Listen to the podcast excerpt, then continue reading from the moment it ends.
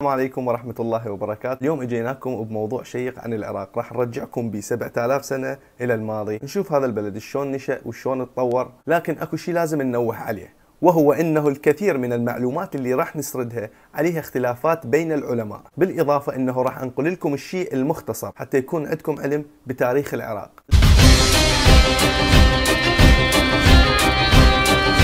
البشرية ما قبل الحضارة كانت تنتقل من مكان إلى آخر بحثا عن الاستقرار. حتى يجي العام 6000 قبل الميلاد البشر وبعد طول انتظار يصلون إلى شنعار أو جنة عدن وهي أرض سومر في جنوب العراق. أرض منبسطة جو معتدل مياه عذبة وفيرة معادن أسماك وطيور وكل مقومات العيش. يستقرون بعد مدة يكتشفون الزراعة واكتشاف العربة واستغلال الماشية في النقل وفي الزراعة. يكتشفون دولاب الفخار واللي ما يعرف أهمية اكتشاف الزراعة أنا أقول لك الزراعة خلت الإنسان يستقر. قبل كان الإنسان يتنقل من مكان إلى آخر ليبحث عن الطعام. اكتشاف الزراعة خلته يستقر وبدل ما أتنقل لجلب الطعام أنا راح أزرع الأرض ونزرع ما نأكل حتى نأكل ما نزرع. وهذا ساهم في اكتشاف الوطن. يبدأ السومريين في التقسيمات الإدارية. أنتم راح تكونون مزارعين أنتم راح تكونون جنود أنتم راح تكونون بنائين. تقسيمات إدارية لبناء الحضارة. ويظهر الجانب الإنساني عندهم في الفن وفي الأدب. بدأوا ينحتون ويصنعون المجسمات والتماثيل ويسردون القصص ويكتشفون الهندسة وكيفية البناء.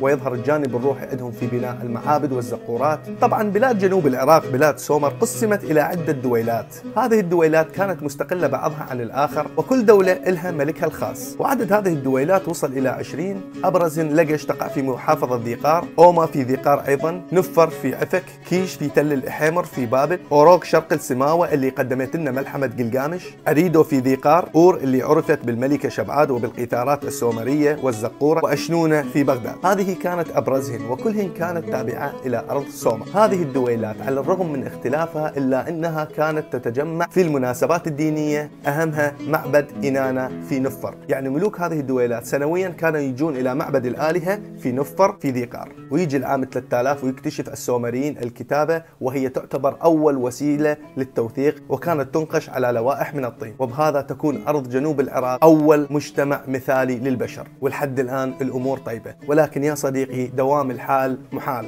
تبدأ الحروب بين هذه الدويلات. إحدى دويلات سومر اللي اسمها لقش تحتل كامل أرض سومر وتتوسع شمالا باتجاه النهر وتحكم لقش أرض سومر. ومن أبرز ملوكها كان الملك كوديا اللي اهتم ببناء المعابد والزقورات بعدها يجي عام 2400 قبل الميلاد دويلة أو سلالة أوما تثور على لقش وتحل محلها في الحكم. بعدها راح ندخل مرحلة جديدة من تاريخ العراق وهو الإمبراطورية الأكدية إحنا قلنا أوما سيطرت على الأرض.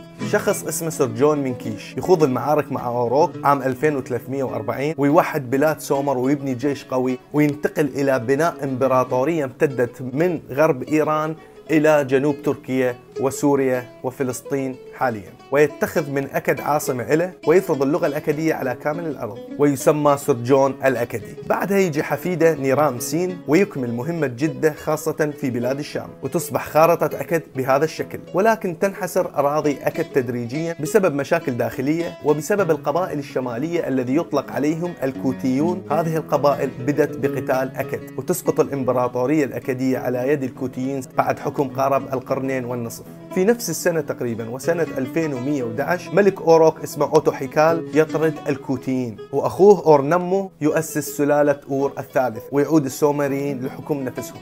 ولكن بعد مدة أوضاع أور تدهور لعدة أسباب. أهمها الشعوب السامية العمورية من الغرب. تبدأ بالتدفق إلى أرض سومر وتبدأ التركيبة السكانية لسومر بالتغير.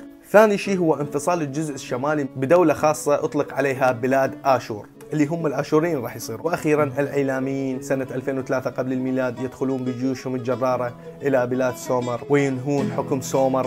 إلى الأبد. سومر اللي حكمت 4000 سنة واللي تطورت من العدم إلى مملكة عظيمة وعلمت الدنيا الحضارة ومقومات العيش الإنساني انتهت وتنتهي سلالات سومر ودويلات سومر. لكن على الرغم من هذه الصورة المأساوية لنهاية سومر راح ندخل بمرحلة ثانية وهي مرحلة ولادة آشور وبابل. المرحلة القادمة راح تكون مرحلة معقدة لظهور الدول وكثرة الحروب. مثل ما قلت لك بأنه بلاد آشور انفصلت عن سومر وأسست الآشوريين في الشمال وبقى جنوب العراق بيد الإيلاميين مع انسحاب الإيلاميين محملين بالكنوز إلى بلادهم تركوا دويلات سومر سابقا مقسمة ومشتتة وتقع الحروب فيما بين هذه الدويلات للحصول على الحكم. وأبرز هذه الدويلات المتحاربة لارسا إيسن وبابل. ويجي العام 1894 قبل الميلاد. القائد سومو أبوم العموري ينتصر ويوحد أرض سومر تحت عنوان بابل العمورية. ويوحد كل ممالك الجنوب تحت حكمه. وتولد عندنا بابل في جنوب العراق وآشور في شماله. بعد 102 سنة من هذا الحكي تحديدا سنة 1792 يصل حامورابي إلى الحكم وهو سادس ملوك بابل القديمة ويشن عمليات عسكرية توسعية في كافة الجهات يسيطر على إيلام جنوب غرب إيران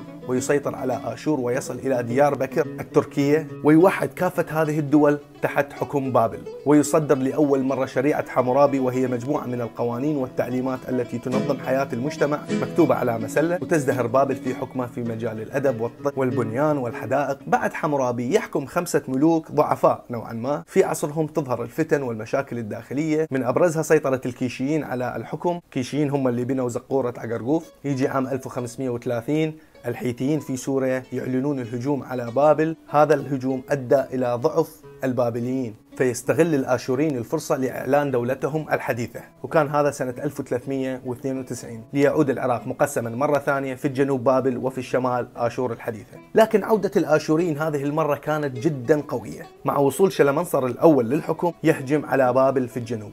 سنة 1273 ويوحد العراق مرة أخرى لكن هذه المرة تحت حكم آشور. قبلها حمورابي وحدها تحت حكم بابل. اليوم شلمنصر وحدها تحت حكم آشور. ولكن تأتي الرياح بما لا تشتهي السفن. يهجم العيلاميين مرة أخرى جنوبا ويسيطرون على الأراضي التي كانت تابعة لبابل. ويجي العام 1172 يظهر نبوخذ نصر الأول ويطرد العيلاميين وتعود بابل مؤقتا. في آشور شمالا يجي شلمنصر الثاني والثالث والرابع والخامس حتى عام 627 يجي آشور بانيبال. آشور بانيبال من أعظم القادة اللي يعرفهم التاريخ. يحتل الشام ومصر وتركيا وإيران ويبلغ العهد الآشوري ذروة الازدهار. ثيران مجنحة معابد زراعة وصناعة وفن ونحت وأدب ولكن بعد 12 سنة فقط من هذا الازدهار وحالها حال أي دولة تبدأ المشاكل الداخلية وتضمحل تدريجيا وتسقط آشور بيد القبائل الكلدانية بدعم من الميديين. ليعلن الكلدان قيام مملكة بابل الحديثة سنة 612 قبل الميلاد وانتهاء الحقبة الآشورية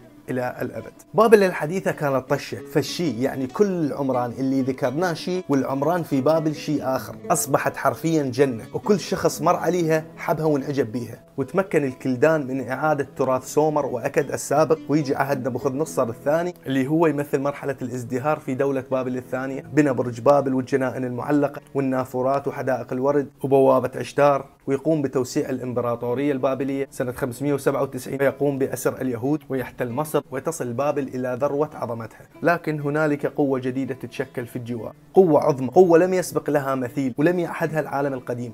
إنهم الفرس. ويبدو أن شمس العراق القديم بدأت بالغروب.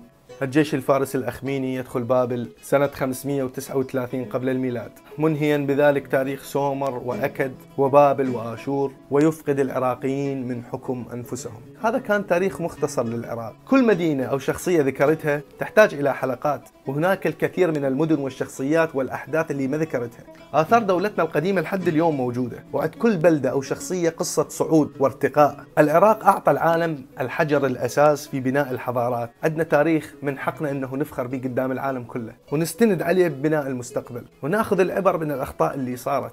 ولكن برأيي الشخصي أهم الدروس اللي أخذناها من خلال تاريخ العراق هو أنه العراق يمر بفترات ضعف. وتمتد ربما لسنوات طويلة لكن بعدها ننهض من تحت الركام بأمة عظيمة. بالإضافة إلى هذا نتعلم بأنه الدولة المحترمة هي الدولة التي تزرع أرضها. طالما أنت تزرع أرضك ما راح تجوع والدولة المحترمة هي الدولة التي تصنع سلاحها بيدك طالما أنت تصنع سلاحك راح يخافون منك وما يتجرؤون عليك. وأن المحافظة على عاداتك وتقاليدك وعقيدتك ودينك هي أساس قوتك. ونوصل وياكم إلى نهاية الشرح. أتمنى أكون وفيت. ولو بجزء بسيط أتمنى أنه ما أكون ثقلت عليكم. ولا تنسون المشاركة في القناة واللايك دعما منكم إلي للاستمرار وشكرا جزيلا لكم في أمان الله.